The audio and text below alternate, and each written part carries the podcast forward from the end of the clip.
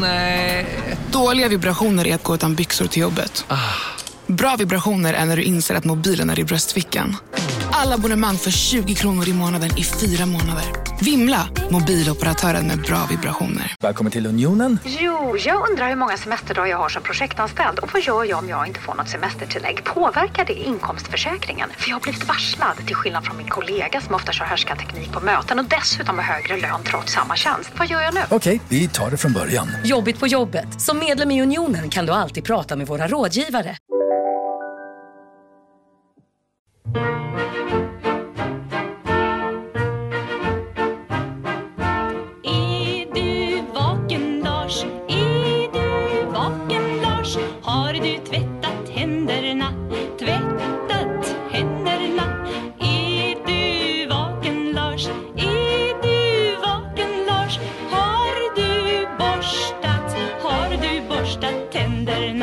I veckan så var jag hos tandläkaren för första gången på ja, ett år. Jag går ju en gång om året. Hur ofta går du egentligen?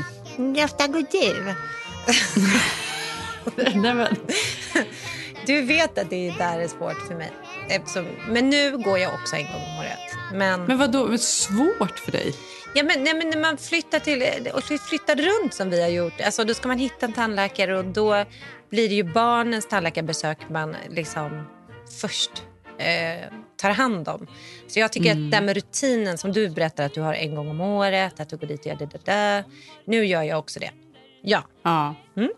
Och, och så var det efter sommaren, för då fick man ju ta, ta tag i alla läkarbesök. Först då barnen. Barnen kommer ju alltid först. Och har man själv någon liksom, åkomma, ja. man åker inte ett extra besök utöver de man måste gå på. Exakt. Ja, men jag gjorde en årliga jag gjorde cellprov för två veckor sedan. Och sen så nu då så var jag hos tandläkaren. Då. Du vet ju att jag tycker om min tandläkare. Ja, eh, om jag vet. Du tycker om din tandläkare mer än du tycker om din gynekolog. Eller, eller Dr. Goldberg. Ja, men det, men det, anledningen till att jag tycker om honom är ju för att det är, det, det är kul Är att gå till snygg? tandläkaren. Det är en happening när man går Ja. dit. Du har sagt det här innan till mig. Ja, jag har gjort det. Ja. Men det är, han sitter ju då, har ju mottagning, de är ju tre tandläkare eller något sånt där. där. Mm. Och hans mottagning är lite bortanför dig, alltså precis vid Beverly Mm. Hills. Och hela liksom, setupen, hela kontoret är ju otroligt Beverly Hills. Nej, men det är ju lyxigt. Tandläkarklinikerna här ser ju nästan ut som de här fina salong, spa-salongerna nu för tiden. Ja, vet, du att, vet du vad jag tänkte på när jag kom upp dit? Mm. Det var så här att när man kollade på den här serien House, det var väl Mm. många år sedan, det var väl egentligen innan man flyttade till LA, eller innan jag flyttade till LA. Mm. Och då kom jag ihåg att man tänkte bara, gud, alltså, gud vad sjukt. Alltså, hur ser sjukvården ut så där borta? Ja. Vilka sjukhus, det är helt Ja. otroligt. Och sen så när man går till doktorn här så inser man att det ser absolut inte ut så. Det, är ju, det ser ut som, det är ju riktigt deppigt och Ja, beige ja. och slitet och så där. Det är absolut inte så fint någonstans. Men hos den här tandläkaren i alla fall, där ser det ut så. Det är liksom Mm. Dr. House där uppe.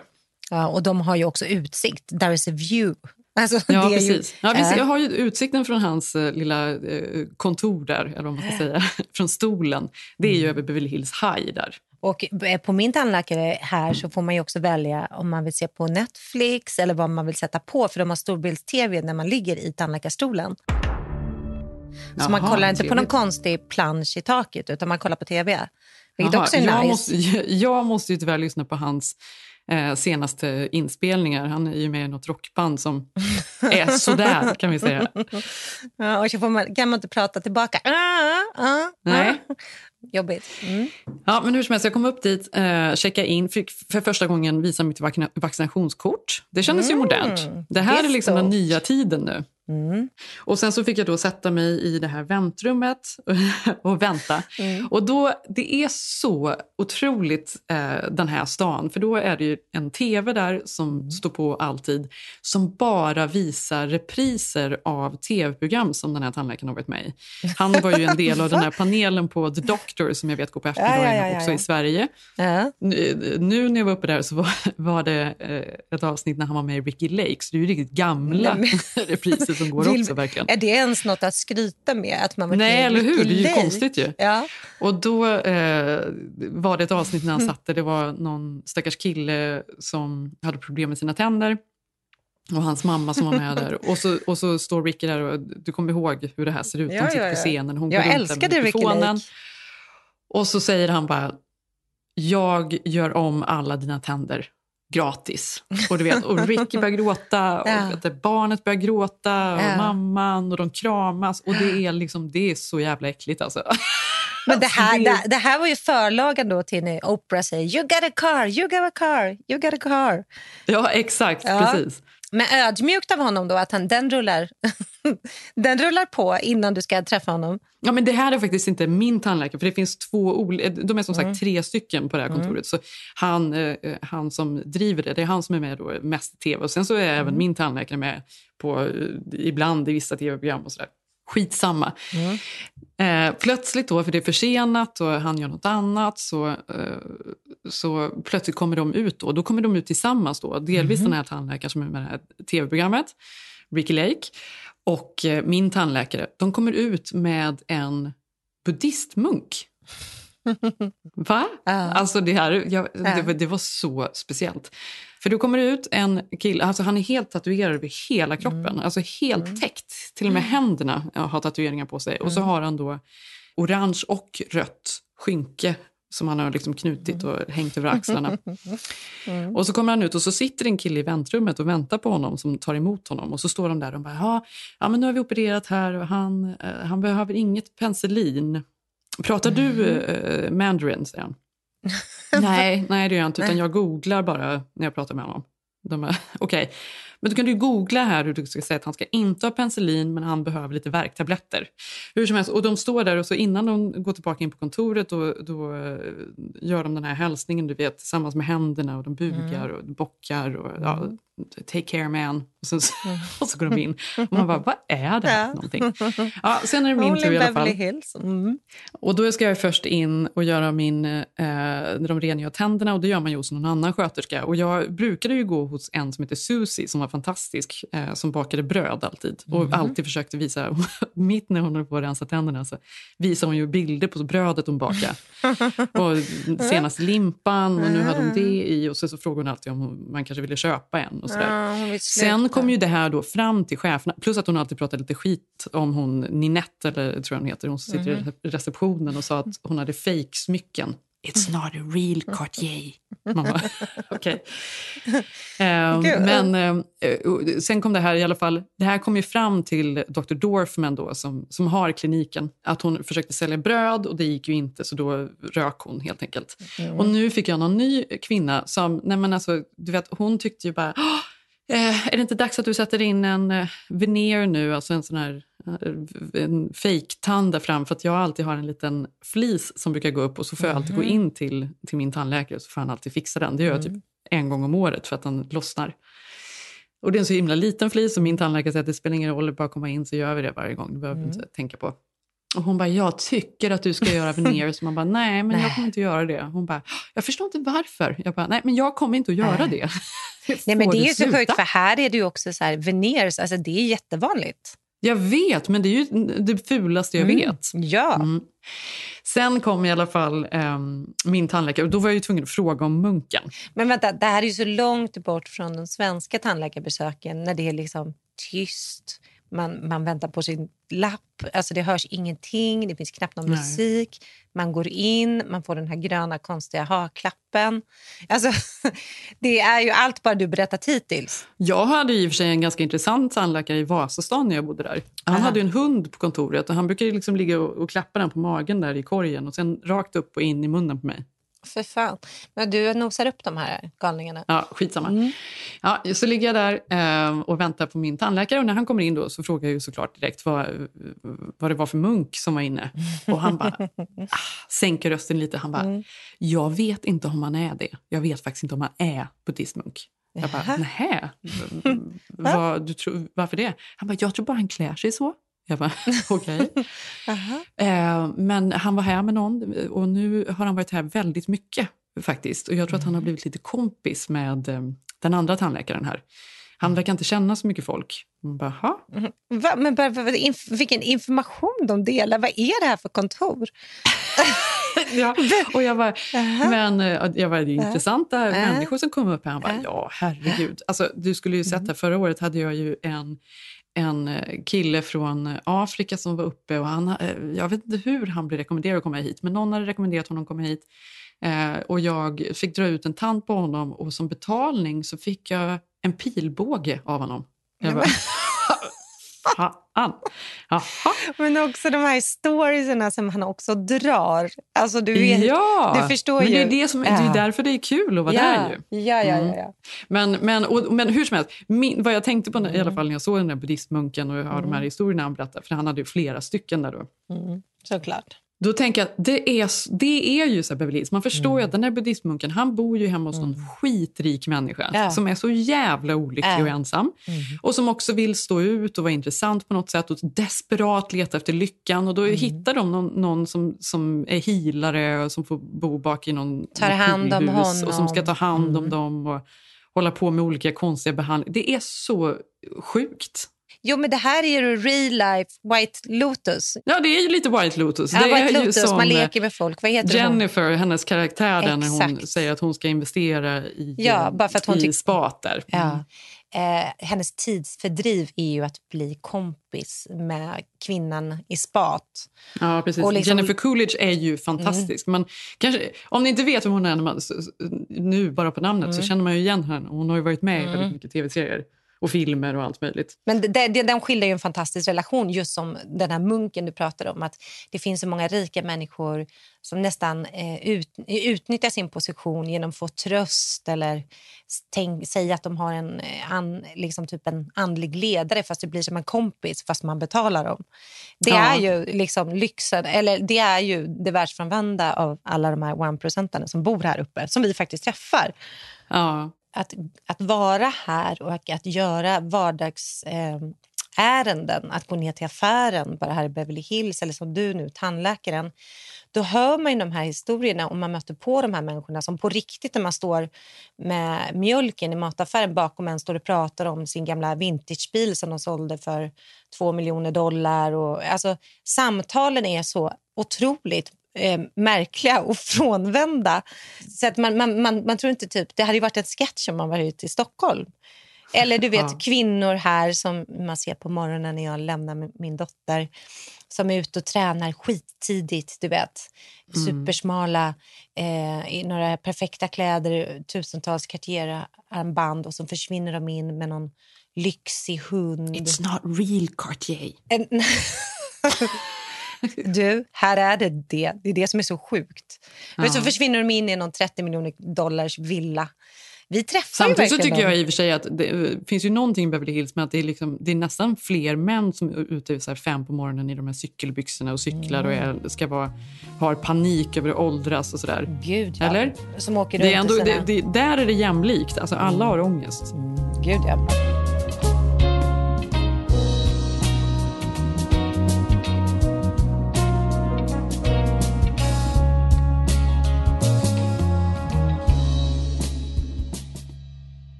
Oavsett vilken ritual du har så hittar du produkterna och inspirationen hos Apohem. Hej, Synoptik här. Visste du att solens UV-strålar kan vara skadliga och åldra dina ögon i förtid? Kom in till oss så hjälper vi dig att hitta rätt solglasögon som skyddar dina ögon. Välkommen till Synoptik. Om en yogamatta är på väg till dig, som gör att du för första gången hittar ditt inre lugn, ett lugn du inte trodde fanns, som gör att du blir en trevligare partner, en bättre bilförare, en bättre kock. Du blir befordrad på jobbet men tackar nej, för att du inte längre drivs av prestation utan vill göra saker som känns meningsfulla i livet. Och, ja, eller ja, då finns det flera smarta sätt att beställa hem din yogamatta på. Som till våra paketboxar placerade på en plats nära dig och tillgängliga dygnet runt. Hälsningar Postnord. Ja, jo, men ju rikare man blir, ju mer bygger man ju då n- någon slags vägg mot vad verkligheten är. Och jag Ja. känner ju liksom att bara på tre år här, även om inte vi äger något hus eller har några pengar, bara att vara kring de här människorna har man liksom vant sig vid ett vokabulär. Man har vant sig att höra någon gråta ut om någon yacht alltså, i mataffären. Så att du vet, när jag såg den här White Lotus som vi tjatar om som på något sätt har lyckats göra humor av the one percent människorna som åker på Mm. lyxhotell i Hawaii och klagar om att de inte fått det finaste rummet som de minsann har betalt Mm. för. Och eh, som du nu sa, bli vän med personalen bara för att det är tidsfördriv. Exakt. De Ha en, guru, ha en guru bak i skjulet. Ja. Eller Ja. typ så här, på tandläkaren. Alltså det blir en rolig historia för dem. Ja, men också så här, rolig historia, men också Mm. intressant. Man vill ju gärna ha någon middag och, och ta dit någon excentrisk person då. För att Mm. alla är så jävla uttråkade och, och, och ändå Mm. lite deppiga. Vi, vi diskuterade det här häromdagen, jag och Mm. Zeb faktiskt. Mm. Hur liksom, om, om folk med pengar är lyckligare eller inte. För jag Mm. tror ju att de nästan är mer olyckliga. Alltså, Ibland Mm. kan jag bli irriterad på att det är så här, man blir olycklig av pengar och sådär. För det är klart att man inte Till, måste till bli en viss... Nej. nej. Men, men däremot så, så tror jag liksom att när man inte har någonting att liksom jobba mot och något, någon så tydlig driv mot någonting, när, då, då blir det bara, det står helt... Det blir Men- liksom, det står helt det, man har för mycket tid att tänka på sig själv och hur mår jag, vad gör jag? Mm. Alltså, Men är det inte så- också så menar? att Alltså- man har slutat leva lite i, i verkligheten? För det är väl det jag kan känna, typ att Alltså många här nu, till exempel min dotters eh, lågstadieskola är ju public och nästan alla våra grannar då, vars barn hon leker med här, de har ju sina barn i privatskolor. Eh, Och då när de frågar vad, vad vår dotter går, som går i en otroligt fantastisk, jättefin 10 out of 10 public school här mitt i Beverly Hills, då är de lite så här, oh that's amazing that you do that. alltså typ, tycker typ att vi gör något gott. Alltså förstår du? Och man bara, aha, men vi gör ju det. Vi, eh, dels har vi inte råd och även om vi haft råd hade inte jag velat att min dotter skulle gå kanske i en privatskola här. Eh, för det känns väldigt, väldigt världsfrånvänt. För där är ju barnen till the one percent som verkligen bor här. Ja. Men här tycker jag faktiskt att det är väldigt intressant, hur, för vi är ju inte långt ifrån Mm. varandra. Nej. Alltså, rent avståndsmässigt så är Nej. vi ju ganska nära varandra, du och jag. Mm. Kan det vara Mm. en mil emellan oss? Mm. Mm. Om ens. Mm. Och ändå så är det så olika världar. Mm. För här är det ju absolut inte så. Nu- ska vi, Nej, alltså, nu, men- men det är inte, inte, man får inte missförstå, för Lake är ju fortfarande absolut folk som ändå har det gott ställt och karriär och Ja, fast jag tycker människor. är inte det väldigt... Liksom, precis, de kanske inte har pengarna, men de har samma det här... Äh, äh, lever i en bubbla. De lever ju i en bubbla, men de lever i en helt annan bubbla. Ja, det är en också annan bubbla. bubbla. Mm. Det, det här är ju någon sorts... eh, eh, man pratar om nimbis hela tiden. Mm. De är ju, alla här har ju så otroligt fina värderingar och, och man måste ta Mm. hand om alla. Och, eh, alla är superliberala, alla älskar ju Biden och Mm. man ska ta hand om alla de hemlösa och bla bla bla. Mm. Men bara de inte är i my backyard, för här får de inte vara. Nej. Alltså, det Nej. är det man pratar om. Not in my backyard, nimbis. Och det är ju hela Silver Lake. Alla, vill, alla har så bra idéer, och uppfattningar och åsikter, men bara de inte är här. För här får de inte Nej, nej, vara. men det, det, det, jag pratade faktiskt med en kompis till oss här som bor här som berättade hon har liksom köpt hus och typ eh, här omkring. Och eh, så hade det varit, eh, hade varit nu under fyra veckor en husvagn parkerad som inte alls var speciellt snygg utanför hennes hus. Liksom. Och stått där och då hade grannarna börjat gå ihop sig nu och liksom så här, men där får man väl inte parkera, där får, får man inte bo. Och då hade de fått till svar att under nu pandemin eh, fram till typ ett halvår så får man inte flytta just på husbilar som står på Mm. gator. Det är, det är en, liksom, en lag som har eh, ja, blivit till för att skydda folk som är hemlösa. Mm. Eh, och då tycker man att man, folk som ändå har en husbil, då är det bättre då än att det skulle vara tält. Så därför får han stå parkerad där. Och då Mm. pratade vi om det och då sa jag så här, men det är helt sjukt att, att det ens är ett problem då för alla de andra då som ska gå in i sina vackra hus att det är ful utsikt. Att det Ja. står en ful Ja. van och det förstör området. Förstår du? Men och så är det ju även här, för här pratar man om hemlösa. Man kan inte bara... Mm. Eh, för det är ju en, en, ett stort problem i Mm, LA överlag. Mm. Eh, att det är så mycket hemlösa överallt och speciellt efter pandemin har ju det här exploderat verkligen. Mm. Och de diskuterar fram och tillbaka hur man ska hjälpa dem, vad man ska göra och sådär. Och eh, Silver Lake är ju så otroligt så här, engagerad i det här. Men de får ju inte Mm. vara här. Nej. Alltså en, en stor anledning till att det fortfarande är ett eh, stängsel runt reservoaren här nere, för det är ju helt Ja. ofattbart. Man undrar Ja. varför är det så.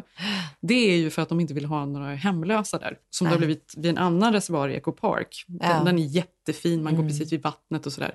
Det är jättemycket tält där och hemlösa Mm. som har eh, flyttat in.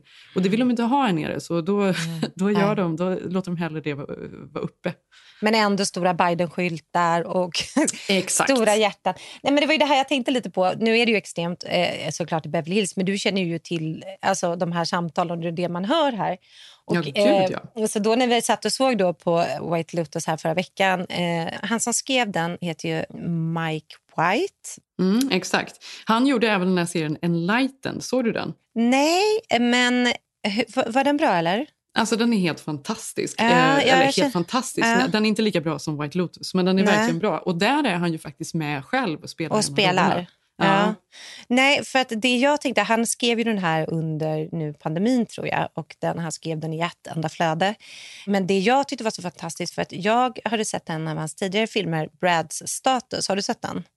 Som Nej. då handlar jag känner att det är så här eh, korn från det man har tagit om White Lotus och då handlar om den här privilegierade överklassen och deras eh, Mm. Som problem. alltid är fascinerande. Ja, det är fascinerande. Ja. Och jag känner många referenser som jag kanske inte ens hade tänkt på innan blev ännu mer fascinerande när man faktiskt har sett de här galningarna här uppe. Att det finns på riktigt. Det finns på riktigt. Alltså jag tror att många som kollar tänker nog att nej, men sådär, nej, det där var lite väl. Men nej, så är det ju. liksom. Alltså, de här människorna, karaktärerna finns ju verkligen. Men jag vill verkligen slå ett slag för den här tidigare filmen då, som Mike White har skrivit som heter Brad Status som handlar då om en pappa eh, som är 45-50-årsåldern som ska lämna sitt, eh, sin eh, son till college. Och hur han går igenom då hela liksom sonens uppväxt och bara hur han går in på Instagram och jämför sig med sina gamla Harvard-kompisar och hur successful och lyckade de blev. Och Någon äger ett jetplan och någon har, bor på någon ö. Och, och liksom hur, att hans liv blev så mediokert. Att han har en härlig fru och hans son är fin och sådär. Men han går igenom en, liksom, en metamorfos om hur, eh, vem han vill bli nu när hans son flyttar hemifrån. Han vill också ha en, en gubbe i poolhuset. Ja, han vill ha en munk, Jenny. han vill bli en av the one percent. Om inte så handlar filmen om att han brottas med tanken att han kanske vill ha det i livet för sin son fast han skäms att han vill det. Och Mm. sen då i slutet så visar det väl då sig att alla de här han då besöker upp sina gamla barndomskompisar kanske inte var så lyckliga och lyckade ändå för att inte i slutändan handlar kanske om det. Men Mm. det var därför det var så intressant för jag kan ju se det fröt från den filmen då i White Lotus. Så tyckte man Mm. den var bra ska man verkligen gå tillbaka och se den här långfilmen. Den är helt fantastisk. Du, jag såg en så fantastisk film Mm. eh, i veckan eh, som jag bara måste tipsa om. Den har egentligen ingenting med det Mm. här att göra, eller ändå kanske lite. Den, är, alltså den, är, den, den var så bra. Jag var liksom ledsen när den var över. Anledningen till att jag tycker att den är så här otroligt bra är nog för att jag inte visste vad det var jag egentligen satte på. Pig. I'm looking for a truffle pig. Someone stole her. I don't understand. Tell me you are. Har du sett den? Nej, men vänta. Jag har läst om den. Handlar det om tryfflar? Ja, alltså, ja, och jag visste ju inte det Ja, här. jo, det enda jag visste var att det är liksom en stor en närbild på Nicolas Cage när han, eh, han ser liksom ut som en skogsman. Han har skägg och, och bara rufsigt hår och sådär. Och så heter han Pig. Och den har fått jättefantastiska recensioner, recensioner verkligen. överallt. Jag har läst om den. Och jag visste inte vad den handlade om, men då började det liksom, så första scenen, då ser man bara att han eh, står och eh, tvättar och, eh, i skogsbrynet och så är han ute med en gris och plockar tryffel. Och sen kommer han hem och då bor han i typ ett litet skjul mitt ute i skogen utan någonting och så, och så har han då plockat svamp och grejer och så lagar han till någonting i sitt lilla, på sin lilla brasa där som ser helt fantastiskt ut, jättegott och så sitter han där. Och sen eh, i nästa scen så kommer det någon yuppie Ja. från Ja. stan i en gul sportbil. Ja. Min granne. Och, eh, ja, och byter tryffel med honom. Alltså han har plockat tryffel, Mm. så han tar tryfflarna och så ger han honom då mat. Ja. Och han bara, men vill du, är du säker på att du inte ska ha någon telefon? Alltså, tänk om du dör här ute, ska du inte ha någonting? Alltså, då blir jag som hittar dig här om du dör Ja. här ute i- mitt i ingenstans. Och han bara, nej han, han pratar inte, han ska bara ha liksom, Mm. sina konserver typ. Och sen plötsligt så är det någon som snor grisen. Nej. Det kommer in två Pig. människor på natten och snor hans gris, Nej. som ju är hans allt. Och då måste han... Då, då, så hela filmen handlar om en jakt på hur han ska få tillbaka grisen. Ja. Och den enda han känner som kan hjälpa honom då är ju den här Jappin i den gula Ah, bilen. de. Så de blir något märkligt Nej, liksom, vem spelar par. det? Vem Eh, spelar den andra? Ja, det är någon okänd. Jag har faktiskt Mm. inte sett honom Mm, innan. nej. Men den, den är så otrolig, den här filmen. Men- För den är så fruktansvärt konstig. Man kan inte Nej. säga om det är liksom en thriller, om Nej. det är drama, Nej. om det är en komedi. Alltså den, är, den är inget av det. Den är bara väldigt märklig. Den tar konstiga eh, vändningar. Eh, man undrar vem han är. Det kommer fram att han verkligen är någon. Han har flytt stan. Han har varit Nej, men om gud vad kul, för jag har verkligen sett den här ligga och Alltså, jag har hört måste att... se ja. den. Helt Gud, fantastisk. har- Älskar också Nicolas Ja. Cage. Vad härligt att han är tillbaka. Ja. Denna bisarra, skitkonstiga människa. Ja, vad kul, då har vi två bra tips.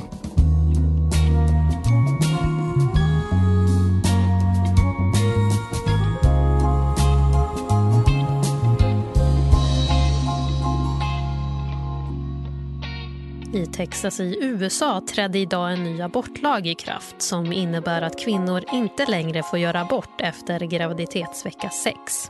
Det gäller även om graviditeten är ett resultat av incest eller våldtäkt. Jag känner att vi måste snudda vid eh, det faktum Mm. att eh, Texas nu har klubbat igenom en ny abortlag Mm. som gör det olagligt för alla kvinnor att göra abort efter vecka sex. Alltså Mm. olagligt oavsett om man har blivit våldtagen, eh, utsatt för incest. Eh, oavsett anledning så får man inte göra abort efter vecka sex. Mm. Nej, nej, men det är ju så att det är ju rys. Alltså, man har ju... Det är sån Ja. jävla rysning. Och jag, liksom, jag försöker så förstå Mm. mig på det här, för det är en väldigt speciell lag. Eh, alltså hur den är utformad. För den stöds egentligen inte av eh, staten. Nej, det stö- av hela staten. Nej. nej.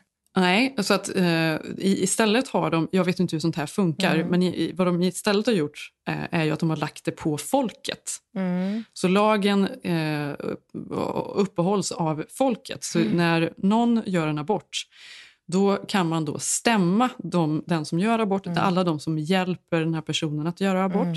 Och om man stämmer dem så får man, blir man tilldelad 10 000 dollar. Så det är ett angivarsamhälle nu som har dragit igång. Mm. Nej, det är så sjukt.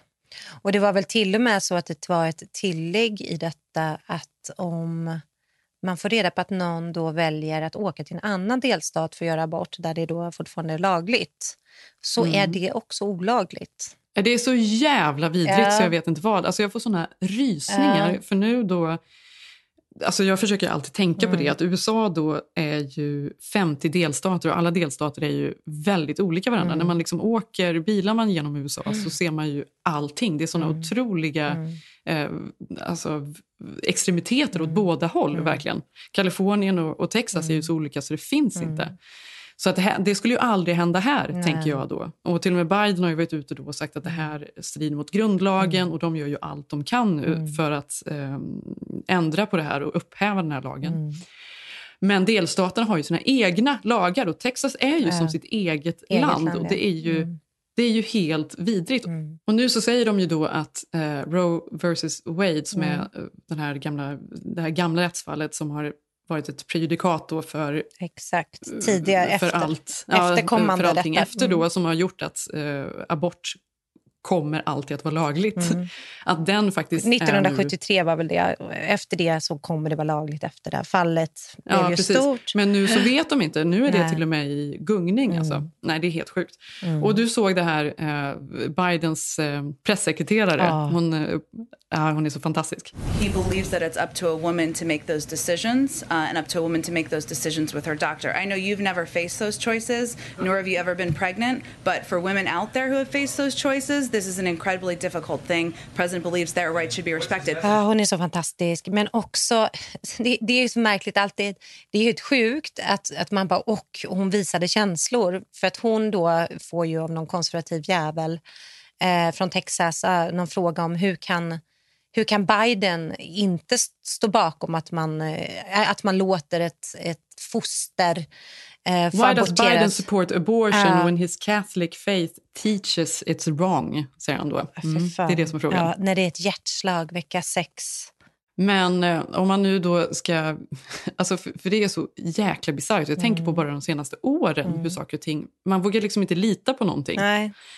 Vilket är så obehagligt. Man tänker ju som till exempel då Roe versus Wade. Oh, gud, thank God. Det, vi har i alla fall det, så att det är lugnt. Men nej, nu ska det inte heller vara lugnt. Och nu när man pratar då om eh, detta angivarsamhälle som ska börja då, hur man ska kunna stämma. Det här är ju också en pastisch på USA där man kan stämma vem som helst om kaffet är för varmt.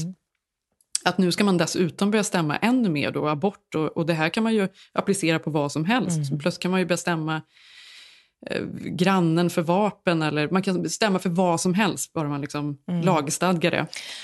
Men, men eh, Texas då är ju en så otroligt...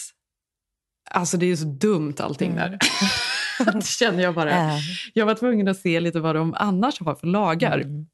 Men, men, men känner inte du också att liksom bara det som har hänt, det här är ju också är ju en förlängning av Trumps tid när han var president och fick in tre nya domare i HD. Alltså det är 100% Trumps fel Ja, det att det fick in, han fick in tre nya domare i HD vilket innebär liksom att sex av nio sittande domare är nu republikaner. Så jag menar Mm. att han på den lilla tiden, förutom allt som hände, har också lyckats eh, få in de här på livstid. Eh, det är ju också en del av att sådana här eh, sjuka, sjuka bills kan gå igenom. The heartbeat Mm. bills, eller vad det kallades för.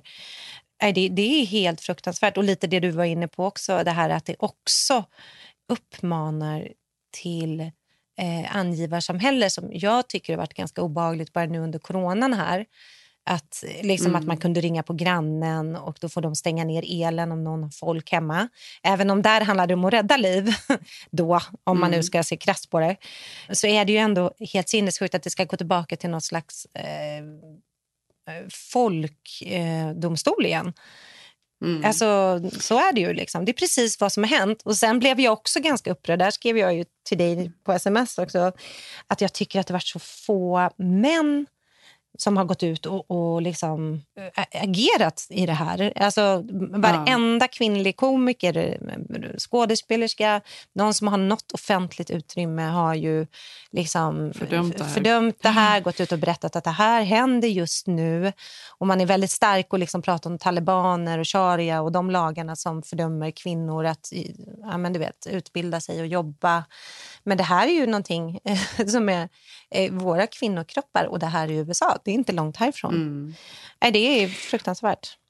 Men Texas som då är en så konservativ stat, alltså nu ska man också tänka på, det här, Texas blev ju nästan blått nu det här valet. Det ska vi minnas, det var många som faktiskt röstade på Biden, så det är många som såklart som bor i Texas som också tycker att det är en helt vidrig lag. Men det är eh, rent historiskt en väldigt konservativ stat och folk är väldigt religiösa där. Och det finns ju helt sjukt mycket konstiga lagar. Jag tänker på Ted Cruz som eh, ju var Han har liksom senator. blivit High Chaparral. Ja, men du vet att han var ju med och arbetade för ett lagförslag där man inte skulle få sälja sexleksaker i Texas. Och det här Nähä. var så mycket fram och tillbaka. Men man fick sälja Nej, Viagra. Ja, Ja. nej, precis. Nej, men Mhm. Lyssna här nu. Vad som stod var eh, följande. Eh, the brief insisted that Texas, in order to protect public morals, had police power interests in discouraging prurient interests in sexual gratification, combating the commercial sale of sex, and protecting minors. There was a government interest in ma- maintained in discouraging autonomy, autonomous sex. Uh, the brief compared the use of sex toys to hiring a willing prostitute or engaging in ja. consensual Ja. bigamy. Um, och så pratar There is no s- substantive due process right to stimulate one's genitals for non-medical purposes unrelated to procreation or outside of an interpersonal relationship. Ja, så. Och så kallar de det här då obscene devices. Hur som helst, det här diskuteras så mycket fram och tillbaka. Ja. Så att nu finns det då en lag i Texas som säger att ingen får eh, äga mer än sex stycken dildos. Men vem fan äger mer än 6 000? På riktigt? Nej, vem fan sex äger sex dildos? Jag kan Men tycka att det är så här- rimligt. Jo, men förstår du hur jävla dumt det här är? Och att det här var en diskussion då, att man skulle inte få Mm. sälja. Man skulle då till slut få äga, Ja. men man skulle inte få sälja sexleksaker. Och till slut så fick ingen kvinna ha mer än sex dildos hemma. Och nu då har detta fortsatt. Är det den här Mr alltså, Rabbit man inte får ha är? hemma? Men, man, man, men, men det är ju det här som händer när religion och lag... Det här var Ted Cruz. Ja, men det här- och men det här är när är religion helt och lag går ihop. Och Ja. Det är det som är så obehagligt. För det har man ju liksom... I, i många demokratier har ju, går ju det isär. Men att här Mm. blandas ju det ihop. Det är därför det, att man ens kan Det blir ställa... Ja, det blir som galenskap. För de pratar ju inte vetenskap. Nej, att, att, att den här bilden handlar om the heartbeat law. Det är också Ja. liksom, det är det som är obehagligt. De menar ju att det finns Law något... och The Dildo Law. Idioter. Men Ja. jag var ju tvungen att googla mer vad det mer fanns Mm. för konstiga liksom, lagar i Texas. Och det var ju allt möjligt. För nu kom det också, nu tror jag precis att det klubbades igenom att man också får bära vapen utan att man har någon träning, utan att man har licens, utan någonting. Man får, alla får bära vapen. Mm. Gömt um, under jackan liksom, om man vill. Men sen har vi då nå- några andra lagar. Det är att eh, man får inte gå barfota i Texas. Varför då? Mm, då får man ansöka om ett speciellt tillstånd som kostar 5 dollar. Men, men det är också så här, folk som går barfota gör ju det oftast om, eh, om de är, för att de inte har råd med ett par skor, för de är hemlösa. Så då är det, Ja. det är som att säga att hemlösa är olagliga. Då. In LeForce, eh, Texas, där får man inte stå upp och dricka. Man måste sitta ner. Eh, man, får inte, man får inte skjuta buffalos från andra våning på hotell. Fast det känns ju rimligt. Man får inte äta från grannens eh, soptunna. Man får, alltså det var så mycket dumt. Alltså så mycket dumheter. Ja. Nej, men det är så mycket dumheter. Men vet du vad? Även om det är bara dumheter det här så är det ändå realitet nu. Nu är det så här, Jenny. Så jag menar, jag tyckte, det var någon som skrev så här att vi erbjuder massa organisationer såklart. Amnesty, alla organisationer har gått ut men det har också varit många eh, kvinnoorganisationer som har nu eh, bildat eh, mycket bättre plattformar online såg jag för efter, efter, mm, dagen efter-piller eh, och erbjuder att vi kan skicka in det till delstaten och hit går ni, alla kvinnor ni som behöver göra en abort. Eh, alltså, alltså det, det, nu kommer det ju bli så här motståndsrörelser som hittar Ja. sätt, kreativa sätt för kvinnor ska få göra abort. Men jag tänkte på det Eh, jag vet inte om vi har pratat om det här i podden, eh, om abort själv. Liksom. Jag, har du gjort en abort? Jag har gjort en abort Mm. i mitt liv som jag är alltså, tacksam att jag kunde göra såklart. Mm. Jag, hade ju, jag var inte på något bra ställe för att, bli mamma när det hände. Nej. Ehm, så att jag är ju tacksam att jag kunde göra det Mm. säkert och att det var ett val jag hade. Mm. Har du gjort någon abort? Ja, men det är det här... Alltså, prata med, med folk. Jag, så, jag, jag tror knappt att jag har en tjejkompis som inte har gjort någon abort under, sin, eh, under sitt liv. Liksom. Eh, jag, menar, jag blev gravid när jag var i gymnasiet med min eh, gymnasiepojkvän jag hade då. Eh, och då hade jag, åt jag eh, p-piller. Ja, det här är intressant för att när jag blev gravid Mm. då åt jag också p-piller.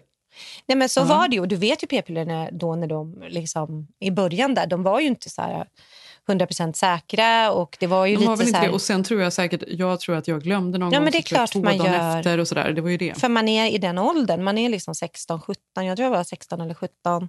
Och jag hade Mm. glömt någon gång och jag på riktigt Jenny, förstod inte vad det var från typ jag liksom började kräkas någon morgon och jag bara, men gud, tänk om jag är gravid. Eh, och då visade det sig att jag var i vecka nio. Och det är ju ganska tidigt, men det hade ju då inte klarat den här då heartbeat bill. Nej. Efter så då är, ju, eh, eh, liksom, då är det redan ett barn och det är heligt. Och då har man inte rätt att döda detta barn. Eh, så att det är ju helt sjukt. Men jag kommer ihåg att då, alltså det är inte länge sedan, men det, jag menar, det var ju skamligt att prata om abort då, såklart. Man pratar, jag berättade inte det här för mina föräldrar. Jag berättade för någon kompis. Nej, inte jag heller. Jag minns att jag och min liksom, pojkvän som var en jättefin kille, liksom, det var ju pinsamt nästan. Eller det var liksom så här, "Ha, okej, nej, men då får jag abort då. Då åker väl jag in och han var så här, ska jag följa med? Och jag var så här, nej. Nej, men nej, men vi ses sen. Typ. Alltså du vet sådana här saker som man liksom bara gjorde, men det var ju liksom ingen... Jag är så tacksam att jag såklart kunde göra det, men det är ju ingenting någon kvinna önskar. Nej, exakt vad jag tänkte säga också. För, för mig var det ju, alltså jag kom ju också på det, Mm. ja, men det var kanske vecka 9-10. Jag hade inte ens reflekterat för det var precis när vi hade gjort slut, jag och min kille. Mm. Och det var alltså en jobbig tid. Mm. Så det var, jag, jag tänkte inte ens på att jag skulle ha mensen förrän Nej. liksom, Nej. någon vecka för sent. Bara, men vänta lite nu. Nej, men det kan det inte vara. Mm. Och så var det det. Och det var så traumatiskt faktiskt. Mm. För han fick också då, vi åkte faktiskt dit tillsammans och Mm. gjorde det ihop. Mm.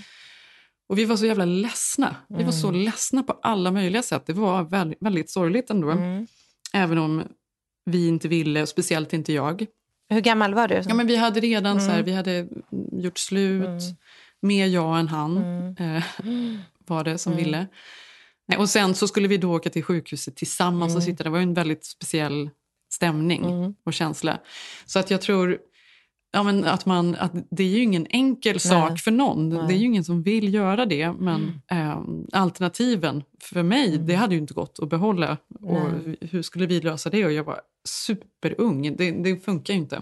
Nej, men jag menar oavsett skälen, om man är för ung eller så man inte har råd att behålla ett barn, man har blivit förgripen på, vad det än är, att det Mm. ens diskuteras och också väckas, vecka sex, det vet ju alla alltså, kvinnor. Män kanske inte vet Mm. det, men du har ingen aning om om du är gravid eller inte, om inte du ska ha ko- stenkoll på det här hela tiden, vilket man absolut inte har. Nej, men alltså verkligen, kan vi eh, tänka på Bidens pressekreterare Ja, kan vi göra och det? hennes ord? Vi tänker på henne. Vi tänker på henne och hennes ord. He believes that it's a woman's right, it's a woman's body, and it's her choice.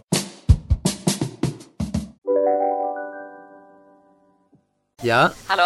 Pizzeria Grandiosa? Jag vill ha en Grandiosa capriciosa och en pepperoni. något mer? Med kaffefilter. Ja, Okej, ses samma.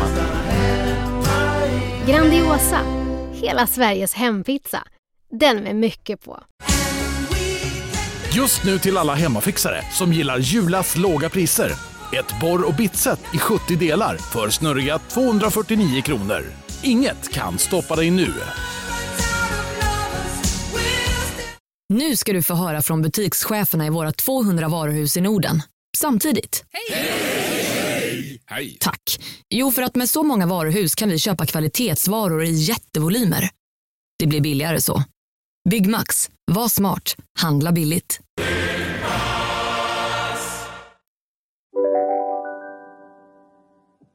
Men häromdagen, eh, jag hå- håller ju på då med eh, mitt vi- vinbrand här, Unsweet. Och jag skulle då tillsammans med några kollegor ha en, eh, ett stort viktigt möte. Var du rolig på det här mötet nu? Vi har pratat om det tidigare Malin, att du känner att du inte, att du inte kan vara kul på engelska. Har du börjat liksom, äger du mötena nu mer? Nej, men då förstår du ju hur nervös jag var. För Dels så vet jag då att jag inte kan ha min liksom, jargong när jag liksom, tycker jag får in någonting eh, som är viktigt för att mötet ska piggas upp.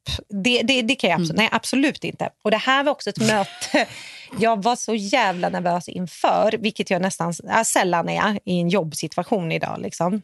Ja. Det kanske man var mer när man var liksom 23 och skulle vara med på något möte första gången. Men nu tycker jag ändå så här, ja, men kommer det upp något då får vi vara ärliga och kan vi det så kan vi det och kan vi inte det. Alltså så. Och vi var väldigt pålästa och så. I alla fall, du vet när man ska... Eh, det här var ju ett Zoom-möte så det var inte ens att vi skulle ses in person. Men det var eh, jag och min kollega och sen var det sex olika män från vinbranschen här i LA. Det var några producenter och det var en inköpare och, och så vidare. och så vidare. Så att först började det på morgonen att jag bara, vad ska jag på mig? Och det är så löjligt att man hamnar där, men det är för att ändå kanske stilla ens nervositet. Du vet om man ska göra någonting. Fast vad man har på sig, det tycker jag ändå det betyder ganska mycket. Vad Ja. man än ska göra, om man har, ska på middag med någon ny eller Ja. gammal eller eh, jobb eller vilken situation, att man ändå klär sig så man känner något. Det sätter ju tonen på Ja, men det sätt. sätter så tonen. Och jag Mm. känner min ton var ju att jag var nervös. Ja. så vet du. Och sen har Det är jag en dålig ton. En jävla dålig ton. Och sen hade jag, det här vet ju du, att jag är så stolt för jag har ju äntligen fällt alla eh, träden eh, i skogen så man ser sina kläder. Mm. Så att helt plötsligt Mm. kunde jag då gå in i en garderob som har varit eh, ett kontor. Det hängde bara en sak där. Och det var det. Det var munkkläderna. Det var Ja, bara ja, att dra var det på munkkläderna. den. Nej, men, och då blev det ju så här, du vet när man inte riktigt tänker rätt. Och jag kommer på det här att alltid när jag var nervös då, då blir jag så här, då tänker jag helt nytt. Så då tar jag en stickad tröja från Sandro, det låter ju jättefint, men den är knallröd. Ja. Och du vet ju att jag hatar rött. Jag hatar Ja, rött. fan vad konstigt. Jag var, va? Nej, jag, Jag hatar Du har rött. rensat garderoben Jag och du har behållit en, en, en knallröd fär, äh, tröja. Ja, för den är ganska ny, alltså nyköpt, den är fin, alltså den har, den bra kvalitet. Alltså den, den andas ändå liksom trovärdighet och den har en ganska Ja. fin krage och den är liksom eh, finstickad så det är inte liksom så här att vet, man blir inte svettig i den utan den är liksom den är ganska preppy. Ja. så jag tänkte så här, ja, den blir det. Sätter mig i bilen, då ska jag åka till Studio City, där mötet, jag ska sitta med mina kollegor och ha det här mötet då. Och redan Mm. i bilen känner jag bara, vad fan har jag på mig? Alltså, och det här var ju säkert någon terapi för jag var lite nervös. Men, men ändå. så satt jag bara, fan, alltså rött, nej, alltså gud, jag kände mig som någon, alltså, ah, jag kände mig så fel. Ja, och det är det värsta som finns Visst är det faktiskt. hemskt. det här låter så löjligt, men när man har på sig någonting man inte är bekväm i, det här Ja. kan ju förstöra en hel dag. Absolut. Och framförallt kan du förstöra ett helt möte. det var Mm. ju jag rädd för. Men så tänkte jag också på det, hur är du på det? För att alltid, just så här, typ kanske julafton, påsk. Alltså du vet när man ska typ... Vadå, du menar att du har på, tar på dig... Nej, du men jag, nu? jag pratar... Ska du prata om färger för Nej, högtider? nej, men jag ska prata om att du vet, vissa högtider, det är också så här, du vet, nu ska jag klä på mig något lite annorlunda än sin stil och då blir det oftast lite fel. Alltså, förstår du Ja, vad jag menar? Tycker du att du, Mm. jag, alltså, när jag tittar tillbaka på julafton, jag har aldrig klätt mig bra på julafton. Och det handlar ju om att man går bort från sin normala person. Att man tar på sig klänning hemma. Ah. Det känns konstigt på något Ja, sätt. men du vet, och så får man inte till några skor. Men, och... alltså, men vi har väl pratat om... Alltså jag gick igenom min garderob i förra veckan Mm. och rensade ut en massa. Mm. Jag har ju alltså på riktigt kläder kvar där sen, sen gymnasiet Mm. som hänger. Mm. Som jag Mm. inte haft på mig på hur många år som helst Mm. och aldrig kommer att ha på mig igen. Men jag har någon sorts emotionell... Jag bara Mm. De är ju fast dem. du vet att det är trendigt igen. 90-talet är ju tillbaka. Ja, men jag vet inte ens om det här var- kändes som att jag var jävligt otrendig för att vara 90-tal. Ja. Alltså det, det stämmer liksom Nej, inte. nej, nej. Men då rensade jag ur i alla fall en massa i garderoben. Och det var, det, den är väldigt spretig känner jag. Och jag, det här är någonting som jag alltid Mm. håller på med fram och tillbaka. Att jag, jag skulle ju kunna ha en väldigt så här, strömlinjeformad Ja. garderob som, som bara är grå, vit, Mm. svart, marin, blå. Jag tror att jag behöver det. Ja, och där alla liksom tröj, Mm. det är tröjor, det är skjortor, det är Mm. eh, enkla klänningar och sådär. Mm. Och, så, och så, Och den sexiga Rodebjerg-klänningen. den är med Den fortfarande. är där. Men så kan jag bli så här, men alltså vad tråkig jag är. Jag kan inte se ut så här, men jag måste vara lite roligare. Och då plötsligt så köper jag ju någon, någon klänning som är rosa. Och så, och så tänker jag att nu ska jag, ja, nu ska jag vara ung och kul och liksom inte bara se tråkig ut i någon stor säck. Nej. Ja, och då, då hänger den där sen. För den den vill jag ju inte ha på mig. Nej. Tills den, på mig. tills den dagen du ska typ ha ditt viktigaste möte i ditt liv. Det är då den Ja. åker på. Då åker den på. Och det är då du sitter i bilen och svettas på väg till mötet och känner dig Ja. fel. Hur gick mötet då? Ja, men det var ju det här jag skulle prata lite om. För att det, eh, mötet eh, började då. Och då är det så intressant. Du har ju haft flera av de här mötena för du har bott här längre. Och du eh, driver ju Moreno här, så du vet ju det när man ska prata med producenter. Och det, det, det, det det är en viss stil bara genom att de är amerikaner här. Det, det är ju det första. Ja, jag har ju bara Ja, fransoser dina som jag dealar med. Ja, det är, li, det är Ja. lite skönt i och för sig. Ja. Men, men det här var då åtta personer, amerikanska män. Då. Eh, och två av dem är helt fantastiska, de jobbar jag redan med. Eh, men sen var då ägaren eh, av ett av de här bolagen också med. Och han var, eller är, en sån där person som man bara ser typ i film och här. Alltså du vet en sån här riktig buffelamerikan. Rolig, smart. Eh, vad är det de säger i Sverige nu när de ska vara roliga? Storkukslugn person. du förstår, en sån person. Ja, ja. Det, känns ju väldigt amerikanskt. Alltså, Ja. Här pratar man ju överlag om att ha stor personlighet i Mm. möten. Att det är viktigt att man kommer in och Ja. äger mötet. Ja, men precis, han äger det och det visste vi redan. Men jag, i- alltså, jag känner mig så här, det här var ett möte som vi var anordnare av eh, och också ledde mötet. Eh, och då är det ju intressant att eh, vi var de då som drev mötet och, och visade presentationer och, och visade liksom hur vi ville se Fullt det här. fokus på dig, kan jag tänka mig. I den här skärmen när man ser alla små bilder. Om det är någon Jag som på sig rött syntes. så är det ju den man tittar Nej, jag på. syntes så mycket. Jag var sån kvinna. Det var stor aura bara i tröjan. Nej, Jag var så stor. Ja.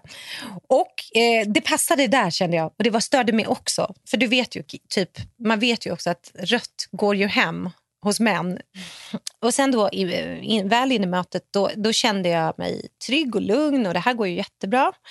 Men sen märkte vi då, eh, så vi började liksom snabbt förstå att helt plötsligt så började då de här andra männen i Zoom-mötet. Det gick bra och vi hade gått igenom mycket och sådär. De kallade oss för the girls.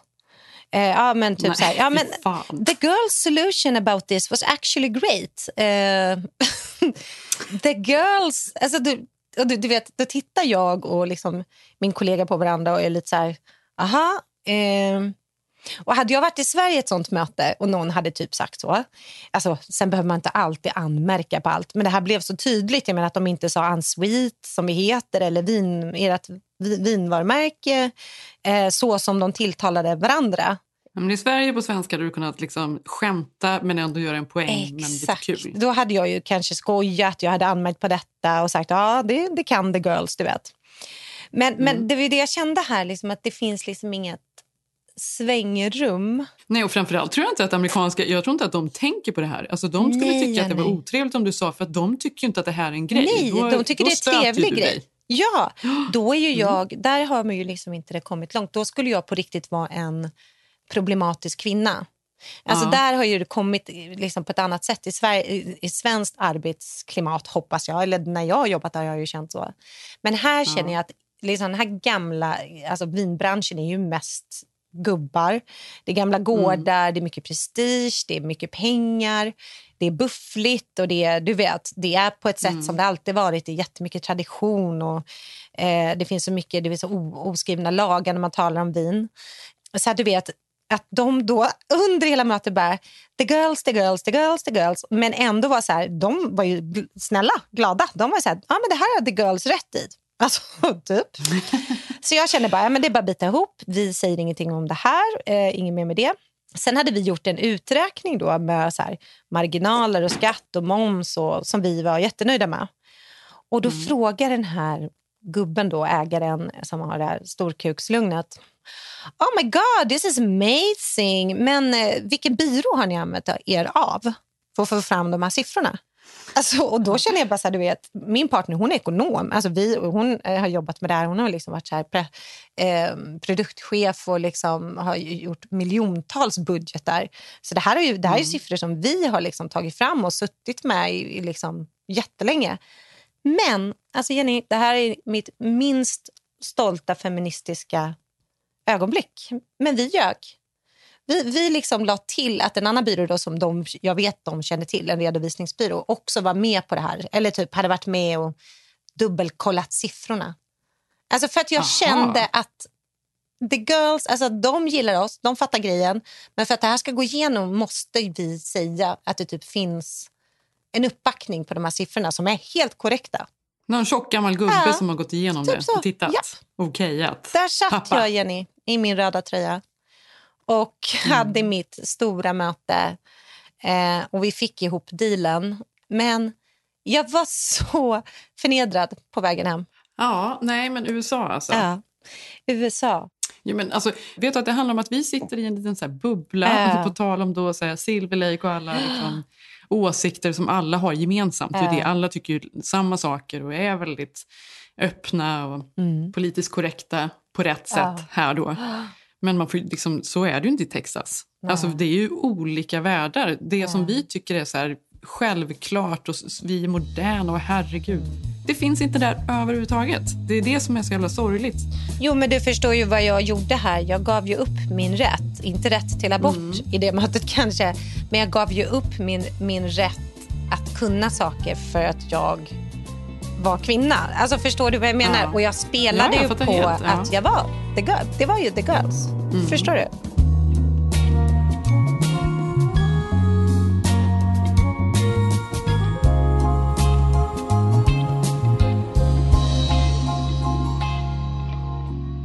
Men på tal om kläder, då, vad, ska du, eh, vad ska du ta på dig nu? För du vet att om en timme måste du Ja, jag hoppa in vet. i Uben. Nej, nu måste vi du in och Sigge ska hit och äta middag med Ja, det oss. ska bli så trevligt. Vi är så peppade. är Eh, och det är härligt också att det blir en fredags liksom, AV. Att det är fredag Ja. här och att vi ska ses lite på eftermiddagen. Solen är uppe. Vad fan har man på sig då, då Jenny? Rött kommer jag inte komma i. Nej, men nu är det så roligt att sist när vi träffades då klädde vi ju verkligen Ja. upp oss. Vi hade på oss... Fast då liksom, hade jag också var- skrikefärg, men det älskade jag. Då... Ja, men den är så snygg Mm. den färgen. Jag gillar den här Mm. lite citron, Ja. grön, gul, ja, neoniga. Jag funderar på, jag har funderat jättemycket på vad jag ska på mig idag. Men gud, nu blir jag men det jättestressad. kommer bli klackar i alla fall. Ja, jag ja, jag tänker, men nu, nej, men jag tänker så här, jag är så jäkla traumatiserad från, från det här röda tröjan så att jag tror att Ja, det det, kommer svart. bli svart. Det blir, det blir något, det kanske till och med gympadojor för att jag blir lite så här, ha! Jag vill inte känna mig så obekväm igen. Och så drar du ner ärmarna över händerna. Ja, Sådär. det får jag göra. Mm. Och sen ska vi äta tryffel ikväll. Som små piggy piggy näff. Pig, pig, pig, pig. Ja, men det vill vi faktiskt säga då. Brad Status med eh, Mike White och The Pig, eller heter den bara Pig? Den heter bara Pig. Den måste ni se. Pig. Ja, vi hörs nästa vecka. Jag heter Jenny Ham på Instagram. Vi heter Keeping Up Jenny Malin. Det är vi och jag heter Malin Eklund. Eh, vi ses nästa vecka. Puss, puss. Ska vi säga hej då, Majsan? Majsan ska säga hej då. Puss,